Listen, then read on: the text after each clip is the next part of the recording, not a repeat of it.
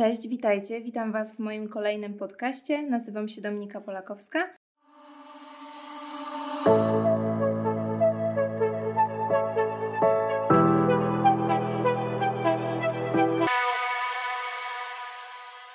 Dzisiaj moim gościem jest Joanna Buraczek, terapeuta, socjoterapeuta oraz pedagog. Czy mogłaby Pani powiedzieć, w jakim nurcie terapii pracuje? Przede wszystkim dzień dobry i bardzo dziękuję za zaproszenie. Nazywam się Anna Buraczek i bardzo mi miło, że tak y, powiedziała Pani taki wstęp na mój temat. Pracuję w nurcie skoncentrowanym na rozwiązaniu, w skrócie BSFT. I to jest nurt, który zajmuje mój cały w zasadzie obszar pracy Chociaż takim drugim nurtem, y, mm, po który, do którego sięgam, jest to nurt integratywny. A czy mogłaby Pani tak rozwinąć y, to bardziej mm, prosto? Szczerze mówiąc, jak ja tego słucham, no to nie bardzo wiem, z czym to się je. Jasne, jasne. Też myślę sobie, że tych nurtów e, w psychoterapii jest bardzo wiele i one powstają cały czas, bo ewaluują. Nurt skoncentrowany na rozwiązaniu jest takim nurtem, który wywodzi się z takiej terapii, która jest bardzo blisko człowieka i która polega na tym, żeby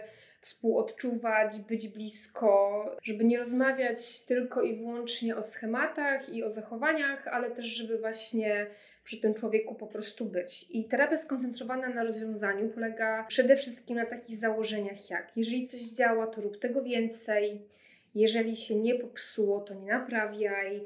Czyli tak naprawdę na naszych zasobach, na tym, co jest w nas super, dlatego ten nurt e, terapii jest mi tak bliski. To, co w ogóle pociąga mnie w tej e, psychoterapii i w tej e, filozofii skoncentrowanej na rozwiązaniu, to jest przede wszystkim praca na zasobach e, drugiego człowieka, na mocnych stronach, na talentach. Tym jest ten nurt. I on też przede wszystkim daje taką wolność pacjentowi, który przychodzi na terapię, że my nie musimy wracać do bardzo trudnych wspomnień, a z tym się wiąże terapia bardzo często, że teraz muszę iść na terapię, przegadać po prostu wszystkie traumy. Jasne, oczywiście podkreślę, można to robić, tak, tak jest Natomiast ten nurt też daje taką wolność w tym, że my nie musimy wracać do tego, co było, tylko możemy właśnie skoncentrować się na rozwiązaniu i na tym, co jest przed nami. Szczerze mówiąc, pierwszy raz słyszę o tym nurcie. Dużo osób pracuje w nurcie terapii yy, poznawczo-behawioralnej. Tak, y, psychoterapia poznawczo-behawioralna jest taką najpopularniejszą metodą pracy, z którą ja również y, się spotykam i muszę przyznać też, że często pacjenci E, którzy dzwonią, pytają się właśnie, czy pracuję w skrócie w CBC, czyli właśnie w psychoterapii poznawczo-behawioralnej. No i nie, nie pracuję w tym nurcie. Oczywiście ten nurt integratywny, ten drugi nurt, o którym wspomniałam, to jest taki nurt, który czerpie do bardzo wielu innych terapii, że wyciągamy narzędzia, nie? Właśnie, że w psycho, że w terapii poznawczo-behawioralnej super był, nie wiem, E, dziennik myśli, no to pracujemy nad tym, a w terapii e, systemowej super było to. Więc za to też cenię sobie nurt e, integratywny. Terapia poznawczo-behawioralna jest terapią, tak jak właśnie powiedziałyśmy, bardzo popularną, również skuteczną. Natomiast myślę, że fajne jest to, jak każdy terapeuta odszuka siebie w danym nurcie. No ja po prostu bardzo odnalazłam się w terapii skoncentrowanej na rozwiązaniu i w docenianiu człowieka, w komplementowaniu go. To jest coś, co ja w ogóle czym żyję bardzo mocno, więc jakby do mnie przemówił ten nurt. Rozumiem. A czy są takie osoby, którym konkretnie dany nurt jest dedykowany? Czy to jest sprawa indywidualna? Czy można po prostu korzystać z różnych nurtów? To jest bardzo trudne pytanie e, i zakładam, że gdyby zadała Pani to pytanie wielu terapeutom z różnych nurtów, to jest taka szansa, że wielu z nas odpowiedziałoby inaczej. Więc ja odpowiem tak, jak ja na ten temat myślę, podkreślając, że nie każdy musi się ze mną zgadzać. Ja uważam, że każdy z nas może doświadczyć każdego nurtu. Nie uważam, żeby do danego zaburzenia konkretny, był wskazany konkretny nurt. Bynajmniej ja tego się uczę w mojej szkole, tego się nauczyłam w mojej szkole y, psychoterapii, tego doświadczam w mojej pracy, a pracowałam w przeróżnych miejscach też pracy. Teraz mam praktykę prywatną, ale te miejsca pracy moje były różne i naprawdę doświadczam tego, że to nie jest tak, że dany nurt dedykujemy, nie wiem, danemu problemowi albo chorobie. Ja tak to czuję. O to chciałam zapytać, czy to jest tak właśnie, że dana choroba dedykowana jest konkretnemu nurtowi terapii? To myślę, że już jest to mm, wyjaśnione. Mm, właśnie, wspomniała Pani o prywatnej praktyce, którą prowadzi. Skąd wziął się pomysł na powstanie Centrum Sięgam Pomocy? To jest kolejne trudne pytanie, dlatego że ja tak naprawdę nie wiem, gdzie jest początek tego. Naprawdę. Nawet jakbym chciała odpowiedzieć Pani, gdzie jest początek tego, że ten pomysł powstał, nie do końca wiem. Natomiast zawsze od, jakby pracuję w branży pomocowej od, od 9 lat i e, zawsze wiedziałam, że to jest kierunek, którym ja bardzo chcę się zająć, być blisko drugiego człowieka, pracować z nim, rozmawiać z nim.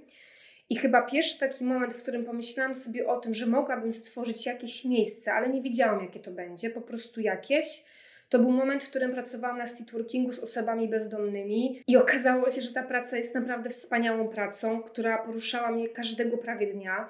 I to był pierwszy pomysł, gdy pomyślałam sobie, o, chciałabym robić jakieś różne fajne rzeczy w swoim miejscu. Kolejne kroki to było rozpoczęcie nauki psychoterapii, nauki terapii, uczenie się y, narzędzia, jakim jest psychoterapia, próba otwarcia własnego gabinetu dwa lata temu, która w ogóle um, udała się super. W międzyczasie też jakby nawiązywanie współpracy z różnymi organizacjami, spotkanie odpowiednich ludzi na swojej drodze i na początku tego roku, jeszcze właśnie przed pandemią, pomyślałam sobie, że w zasadzie ja już nie mogę za bardzo nikogo przyjąć do terapii, bo nie mam tych miejsc.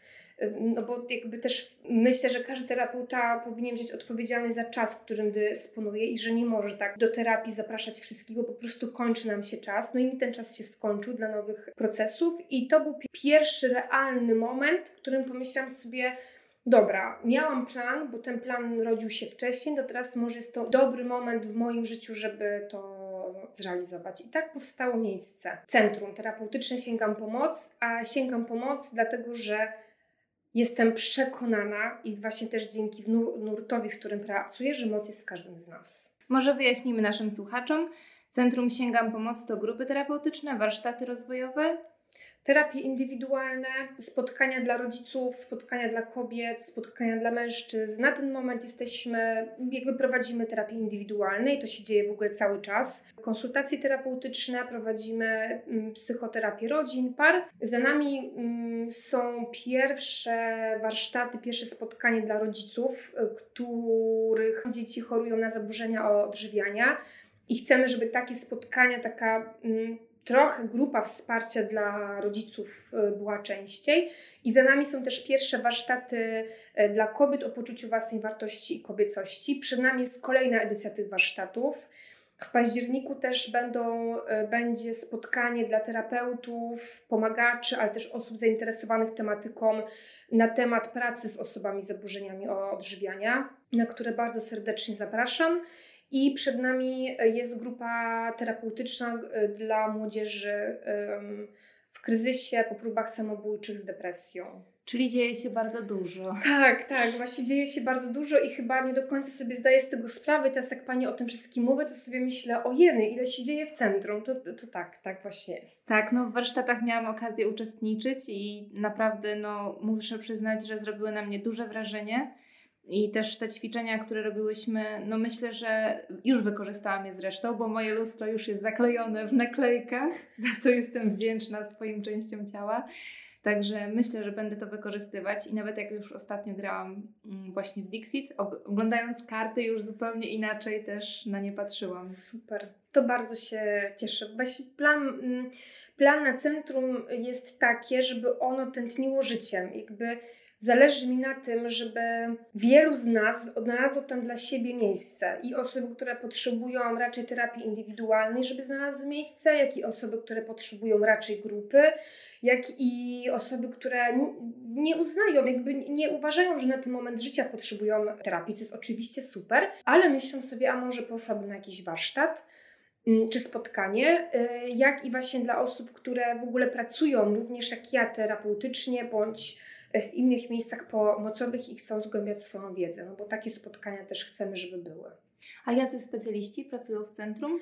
To tak, to tak jak Pani przedstawiła mnie na początku, to właśnie jesteśmy taką kadrą. Jesteśmy kadrą terapeutów, psychoterapeutów. Mamy w swoim zespole, i to jest genialne, seksuologa, e, panią Agatę Szymańską. E, mamy w swoim zespole psychodietetyka, panią Olę Narewską i łącznie jest nas piątka ale że mamy różne funkcje, to brzmi jak było nas więcej, więc... W ogóle jak tego słucham, to wydaje mi się, że jest Was bardzo dużo, bo jednak tyle aktywności, które się dzieją, no to pogodzić to w czasie, żeby zrobiło to pięć osób, to naprawdę jest y, ogrom tego wszystkiego. Tak, ale też plan jest taki, że kadra będzie się powiększała na y, poczet terapii grupowej y, dla młodzieży.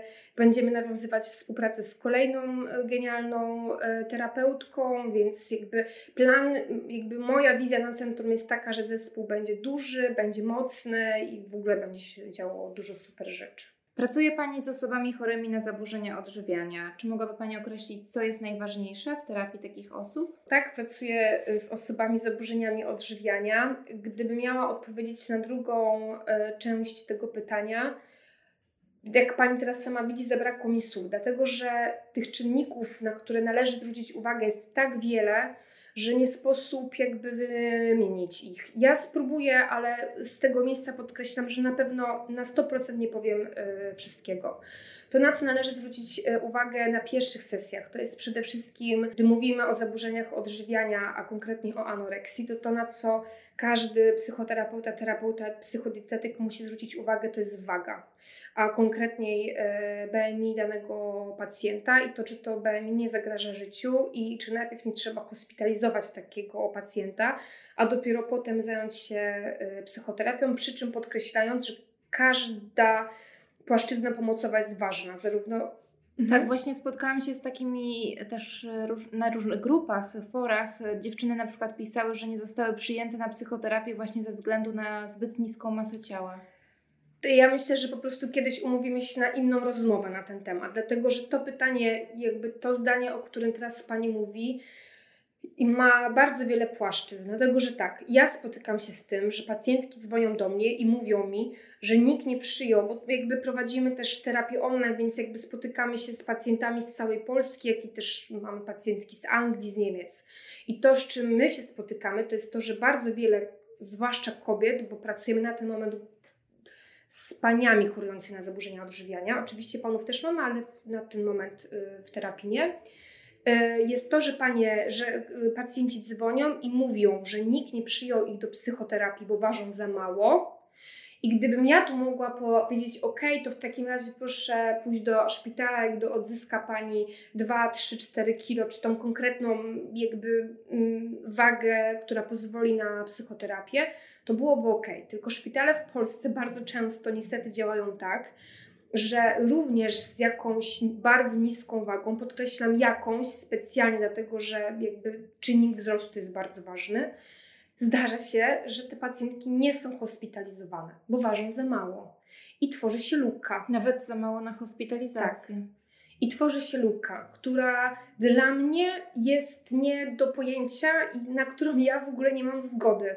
Bo jeśli dzwoni do mnie, ja miałam taką sytuację w zeszłym roku, mama, 13-letniej dziewczynki, dziewczyny, która mówi mi, że żaden szpital nie chce przyjąć córki, bo waży za mało, a 13-latki żaden terapeuta nie chce podjąć, bo ani nie jest dzieckiem, ani jeszcze w oczach wielu terapeutów nie jest nastolatką, no to, no to jak? No nie zostawimy takiego pacjenta. Więc oczywiście, gdy przychodzi pacjent, który waży bardzo mało, jest to waga zagrażająca życiu, to w moim idealnym świecie takiego pacjenta odsyłam do szpitala na leczenie i oczywiście to się w 80% przypadkach wydarza. Natomiast zdarzyło mi się mieć kilka takich sytuacji, gdzie szpitale odmówiły hospitalizacji i to w psychoterapii nadrabiałyśmy, odzyskiwałyśmy minimalną wagę po to, żeby ten człowiek mógł trafić do, do szpitala. Wydaje się to naprawdę być bardzo skomplikowane, bo ta luka rzeczywiście istnieje, skoro no, zbyt mała masa ciała na to, żeby rozpocząć terapię, ale też, żeby po prostu tak. pójść do szpitala. I to jest przerażające. To jest e, coś, co mi się nie mieści w głowie. Natomiast e, pewnie też Pani spotyka się z tym, że nadal zaburzenia odżywiania są tematem na którym bardzo wiele ludzi mm, nie ma wiedzy, nie wie, co z takim pacjentem y, zrobić. Trafia dorosła, y, tak, gdy dzieci, gdy dzieci y, i młodzież trafiają do szpitala, no to jest oddział gastroenterologii, na który nieletnie pacjentki z zaburzeniami odżywiania trafiają. Ale gdy mamy dorosłą kobietę, która choruje na zaburzenia odżywiania, lekarze nie wiedzą, na który oddział ją dać. Czy na ginekologię, czy na gastrologię. Nikt nie wie, co zrobić. Ja, te, ja teraz to mówię i mam, po prostu czuję, jak e, gotuję się od środka, mam taką niezgodę na to, ale tak jest. I gdybym nie doświadczała tego e, w historiach pacjentek, to nie mówiłabym o tym dzisiaj. Jakby to wszystko, o czym dzisiaj mówię, wynika e, z tego doświadczenia i z tych e, historii, które. Z praktyki tak, po prostu. Tak. Nie dziwię się, że gotuje się pani w środku, kiedy mówi to, bo no ja też nie mam na to zgody. Mhm. Naprawdę to jest no, bardzo trudne i oby to się zmieniło kiedyś. Na to liczę właśnie. Dużo ostatnio czytałam na ten temat czy da się wyzdrowieć z zaburzeń odżywiania. Też trafiłam na takie badanie, które obala tą teorię, że nie da się wyzdrowieć z zaburzeń odżywiania. Mm, tutaj właśnie stwierdzono, że z upływem czasu większość kobiet cierpiących na anoreksję i bulimię wraca do zdrowia, choć czasem trwa to bardzo długo. Mm, naukowcy odkryli, że wbrew temu, co często się uważa, około 2 trzecie kobiet z anoreksją lub bulimią w końcu odzyskuje zdrowie. E, w przypadku bulimii jest to średnio 9 lat, natomiast przypadku anoreksji nawet 22 lata. Ale też słyszałam wiele właśnie takich opinii, że jednak te myśli chorobowe zostają nam do końca życia i że nie da się wyzdrowić z zaburzeń odżywiania. Co Pani o tym sądzi? To zacznę od tego, że siedzi naprzeciwko Pani dowód na to, że można wyzdrowieć, bo e, ja jestem osobą, która chorowała kilka lat na zaburzenia odżywiania, na anoreksję, z której wyszłam. Po niecałych 9-10 latach, nawet teraz jak pani sama widziała, nie pamiętam kiedy zdrowiałam dokładnie, ale po mniej więcej takim okresie y, jestem po tej drugiej stronie i pomagam, ale to, że jestem po drugiej stronie i pomagam, y, wydarzyło się tylko dzięki temu, że mogę powiedzieć, że jestem w 100% zdrowa. Więc, y, no bo nie wyobrażam sobie pomagać osobom z zaburzeniami odżywiania, a przy tym wracać do domu, tak, i mając problem. Natomiast z tego miejsca chcę bardzo mocno podkreślić, że jak każda kobieta, mam prawo mieć kryzysy i myślę, że to jest naturalne, że my mamy po prostu się różnie. I jak każda kobieta, mam prawo mieć się różnie, i jak każdy mężczyzna ma prawo mieć się różnie, każdy z nas. I tego pewnie doświadcza każda osoba wychodząca z zaburzeń odżywiania, z depresji czy zaburzeń yy, lękowych, że my na przestrzeni życia mamy prawo chwilami mieć się różnie. Ale to, że chwilami mamy się różnie, to nie oznacza, że coś do nas wraca. To pytanie, które Pani teraz zadała, jest kolejnym takim bardzo dużym pytaniem, dlatego że y, ja oczywiście spotykam się z pacjentkami i pacjentami, zarówno kobietami, jak i mężczyznami, którzy nie wyszli z zaburzeń odżywiania, którzy walczą z zaburzeniami odżywiania, zarówno anoreksją, bulimią, kompulsywnym jedzeniem bardzo wiele lat i mm, nadal walczą, natomiast nie udało im się jeszcze wygrać.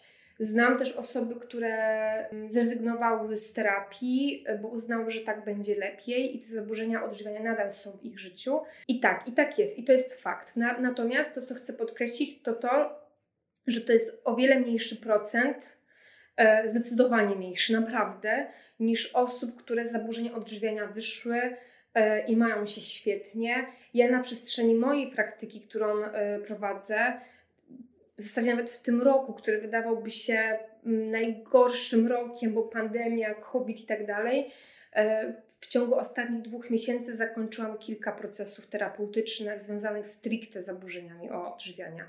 No i są to piękne, wzruszające momenty, gdzie po prostu wszyscy płaczemy na ostatniej sesji. Ale to się dzieje. Jest to oczywiście ciężka praca, długa praca i to się dzieje. Ja też pamiętam, jak kiedyś podczas wykładu powiedziała Pani o takiej metaforze drzwi, że ta choroba jest za drzwiami, ale Pani trzyma te drzwi mocno zamknięte tak. i to właśnie zależy od nas, czy my te drzwi otworzymy, czy, tak. czy nie. Też oczywiście szaleństwem byłoby powiedzieć, że ja kończę terapię z pacjentem, y, klientem i że on już na pewno będzie miał się zawsze dobrze. No bo myślę sobie, że ta choroba właśnie jest tak podstępna, jest tak okropna i tak nieprzewidywalna, że my możemy zamknąć właśnie te drzwi, za którymi ona jest, ale jest dziurka od klucza, właśnie jest na dole ta szpara między drzwiami a podłogą i brzydko mówiąc, ten smród po prostu tych zaburzeń odżywiania może przez te dziury wejść. Niemniej jednak to, że my jesteśmy po terapii, e, która nie wiem, trwała pół roku, rok, 3, 5, 6 lat, czy 10 jakby lat X, sprawia, że my mamy tak wyuczone te nowe mechanizmy obronne, że my będziemy to mogli wyczuć.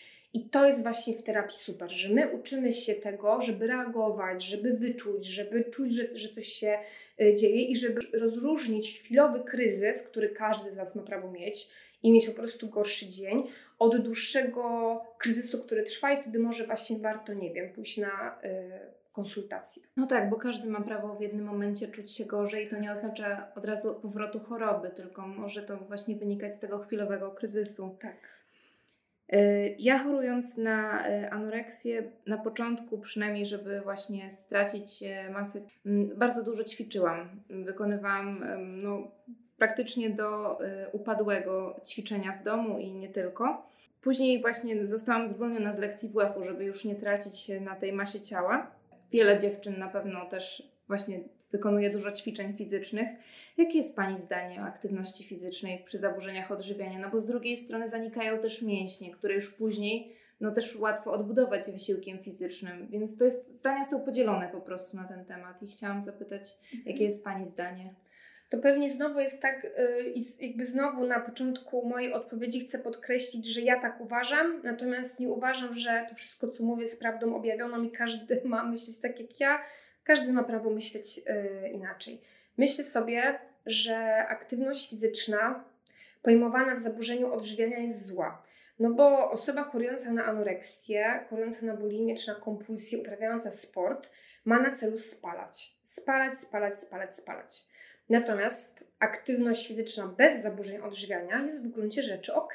I tu już abstrahując, czy lubimy ćwiczyć, czy nie, aktywność fizyczna umiarkowana dla przyjemności, gdy robimy to z przyjemności, jest ok. I dlaczego o tym mówię? Dlatego, że gdy pacjentki e, w procesie terapeutycznym mm, znowu z wagą X, bo nieważne z jaką wagą, czy skrajnie niską, czy niską, czy odzyskującą już wagę, pytają się mnie, czy mogą podjąć aktywność, to moje pierwsze pytanie jest, jaka jest motywacja tego? Czy chcesz to robić, bo kochałaś wcześniej sport i za tym tęsknisz i to jest część ciebie? Czy chcesz uprawiać sport dlatego, że chcesz spalać? Jeśli odpowiedź jest, że chcę spalać, no to dla mnie oczywistym jest, że to jeszcze nie jest moment na to, żeby tą aktywność podjąć. Ale jeśli mam w terapii pacjentki, które po prostu kochają sport jakby żyły tym, to myślę, że choroba ma na celu zabrać wszystko, co jest super. Więc myślę, że warto zastanowić się, jaka aktywność fizyczna będzie dobra. Jeśli waga nie zagraża życiu, bo to też jest bardzo ważne. Jeżeli bardzo niska waga zagraża życiu, to nie ma w ogóle mowy o, aktywności. Natomiast gdy mówimy o tym etapie odzyskiwania wagi i że ja jako terapeuta śledzący proces, czy psychodietetyk, który towarzyszy mi w tym, widzimy, że to odzyskiwanie wagi jest, to myślę, że E, na początek yoga, rozciąganie, spacery, nie wiem, brzegiem morza, czy powolne mm, ćwiczenia związane właśnie z odzyskiwaniem mięśni, tak jak Pani mówi, według mnie są ok. Czyli takie powolne, stopniowe wracanie do tego stanu sprzed choroby. Tak. Dlatego, że zaburzenia odżywiania, zresztą nie tylko one, ale tak samo jak depresja, zaburzenia lękowe, mają na celu odebrać nam wszystko. Odebrać nam radość, szczęście, relacje, pasję, po prostu wszystko. I jeśli ja widzę naprzeciwko mnie człowieka, który latami żył sportem i dla niego to było po prostu życie, no to ja bym chciała zrobić tak, żeby to życie było w tym człowieku, który jest naprzeciwko mnie. Po prostu trzeba to zrobić y, inaczej. Nie powrócimy do takiej aktywności, która była, ale wierzę, że możemy tak pozastanawiać się razem i ustalić taki plan, który będzie dla tego człowieka dobry. No bo sport to też przecież endorfiny, więc myślę, że to jeśli osoba wcześniej uprawiała dużo sportu, to na pewno też poprawi jej stan psychiczny. Tak, tak. Też trafiłam właśnie ostatnio na taki obrazek, że jemy po to, aby ćwiczyć, a nie ćwiczymy po to, żeby jeść. Myślę, że to jest takie podsumowanie tego. Ja w ogóle zachęcałabym wszystkich i osoby chorujące na zaburzenia odżywiania, żeby spróbowały, podkreślam, spróbowały, a osoby zdrowe, żeby się tym cieszyły i zobaczyły, że i sport może być fajny, chociaż ja, osoby, które mnie znają i pracują ze mną, wiedzą, że ja nie jestem jakąś sportową fanką, E, ale totalnie każdy ma przestrzeń na to, żeby lubić albo nie, albo nie lubić. Ale też zachęcałabym do tego, żeby zobaczyć, że jedzenie jest naprawdę fajne, że jedzenie jest smaczne, jedzenie jest przyjemne.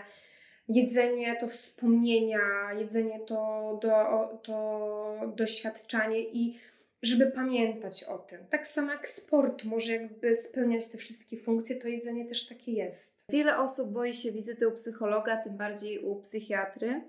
Mm, czy ma Pani jakieś złote rady, którymi można takie osoby niezdecydowane przekonać?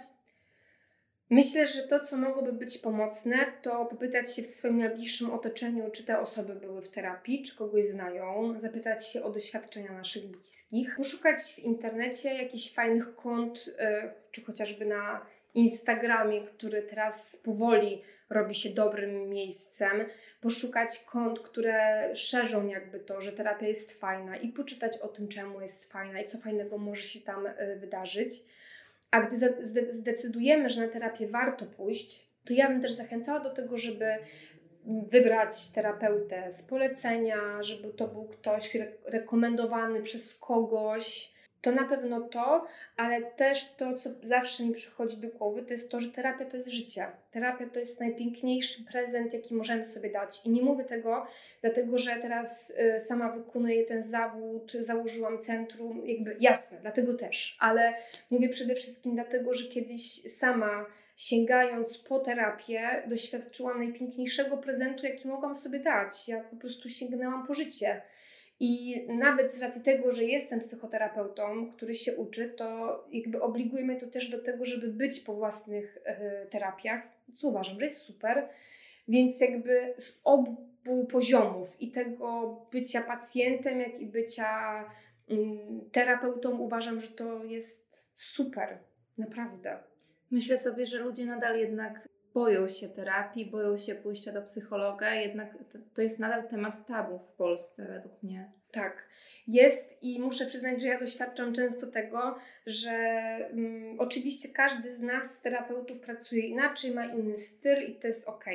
Ja jestem takim terapeutą, który dużo mówi, e, nie widzicie, ale gestykuluje dużo, robię w terapii bardzo dużo ćwiczeń. E, jak zdarza mi się popłakać, wzruszyć i ten terapeuta to jest naprawdę normalny człowiek, który siedzi naprzeciwko nas, który przeżywa, który czuje i warto sobie odczarować ten mit właśnie, nie? że siedzi nas naprzeciwko jakiś obcy człowiek i będzie mówił nam, jak mamy żyć.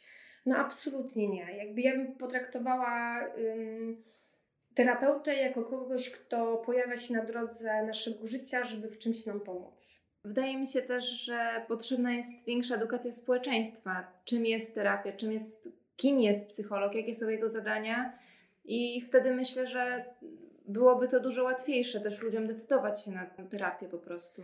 Ja muszę przyznać, że jak y, prowadzę zajęcia w szkołach, y, a zdarza się raz na jakiś czas, że któraś ze szkół zaprasza z tematem czy depresji, samobójstw, y, zaburzeń odżywiania, to jest tak, że wchodzę do grupy przedstawiam się i często ci młodzi ludzie mówią, Boże, prostu terapeuta, czego ona tutaj chce? Co się z nami nie tak. Tak, co się z nami nie tak. I potem, gdy zaczynamy, gdy ja zaczęłam rozmawiać z nimi, siadałam na stole i gadamy i oni widzą, że ja naprawdę jestem normalna, to to trochę pokazuje, aha, można inaczej. A mówię o Odczarowanie tym... obrazka. Tak, a mówię o tym e, dlatego, że tak jak właśnie Pani mówi, że gdyby ta edukacja była, gdyby terapeuci byli zapraszani do szkół, gdyby mówiło się o tym więcej, gdyby były, nie wiem, filmy e, e, edukacyjne na, na ten temat, kampanie jakiekolwiek, gdyby ta terapia była taka dostępna bardziej, nie wiem, to jestem przekonana, że to tabu by opadało.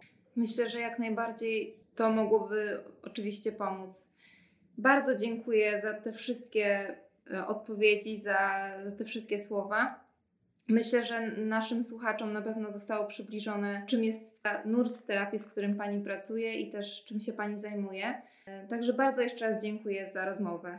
Ja również bardzo dziękuję i bardzo się cieszę, że taki temat zarówno jak i terapii, ale i zaburzeń odżywiania jest podejmowany, zwłaszcza chociażby na Instagramie, gdzie nadal uważam, że to narzędzie nie jest do końca dobre i sama się do niego przykunuję, więc tym bardziej dziękuję za zaproszenie.